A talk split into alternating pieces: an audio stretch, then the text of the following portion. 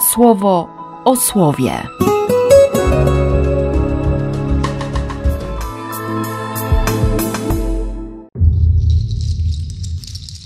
11 sierpnia, czwartek.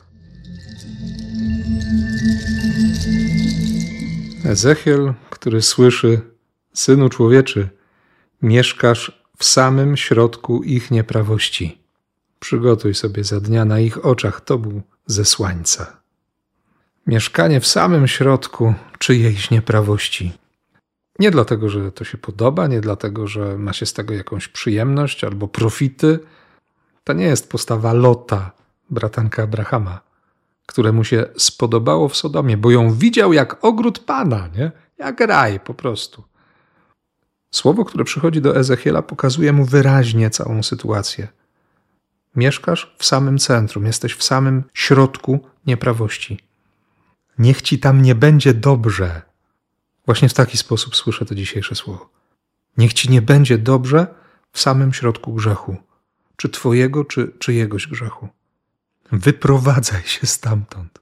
Wynieś się, wynieś siebie z tamtej sytuacji. Daj się porwać.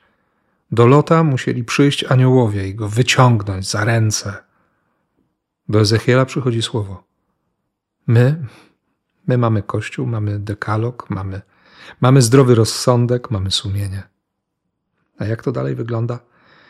To już, to już wiesz ty i wiem ja.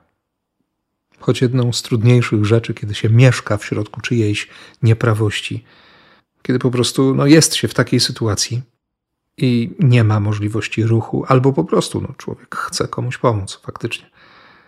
I nie ma możliwości ruchu, albo po prostu chcesz komuś pomóc, wyciągnąć go stamtąd, nie tracąc swojej tożsamości ani swojego Bożego osądu rzeczywistości. Wtedy pojawia się pytanie: to, to ile razy, ile razy mam przebaczyć? Ile razy mam okazać miłosierdzie? Ile razy mam dawać łaskę? Właściwie wystarczy spojrzeć w swoją historię i na swoje spowiedzi. I odpowiedź jest porażająca. I Piotr dzisiaj też słyszy przerażającą odpowiedź. Nie siedem, siedemdziesiąt siedem. To siedemdziesiąt siedem się jeszcze pojawi w podwojonej formie, kiedy po zmartwychwstaniu Piotr wyciągnie, sam wyciągnie na brzeg tę sieć pełną wielkich ryb w liczbie 153 i zobaczy jeszcze jedną, już przygotowaną przez Jezusa na ognisku i, i może sobie przypomni o przebaczeniu. Na tę chwilę jeszcze Piotr nie rozumie. Na tę chwilę ja tego nie rozumiem też.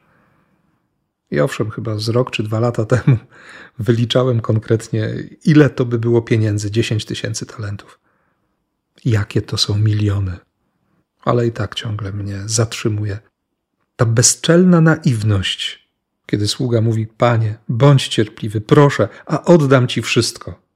I król też jest naiwny, bo się ulitował, kazał go rozwiązać i odpuścił mu jego zobowiązanie. To się kłóci ze zdrowym rozsądkiem. I w tym momencie pytanie, które, które Piotr zadał Jezusowi, według nowego przykładu dynamicznego. Panie, a co począć w sytuacji, gdy brat lub siostra w wierze ciągle grzeszy przeciwko mnie? Ile razy powinienem przebaczyć takiej osobie, aby być w porządku? Czy istnieje jakaś granica rozsądku? I słyszę odpowiedź Jezusa: Wcale nie powiedziałem, że przebaczenie ma mieć jakieś granice. Twoja gotowość wybaczania powinna być nieograniczona.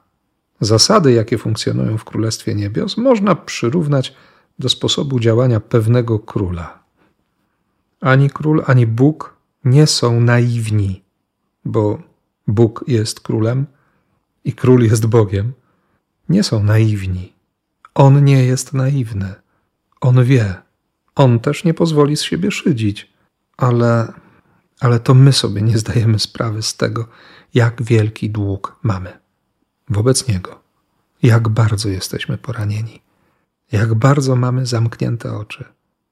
Miałem takie skojarzenie teraz w ciągu tych ostatnich dni, kiedy komentowałem słowo w parafii, że do mnie dzisiaj odnosi się ten list do Laodycei, ostatni z siedmiu listów do kościołów w Azji. Twierdzisz, że jesteś bogaty, że masz wszystko i że niczego więcej już nie potrzebujesz, ale w moich oczach jesteś nędzny i żałosny, biedny, ślepy i goły.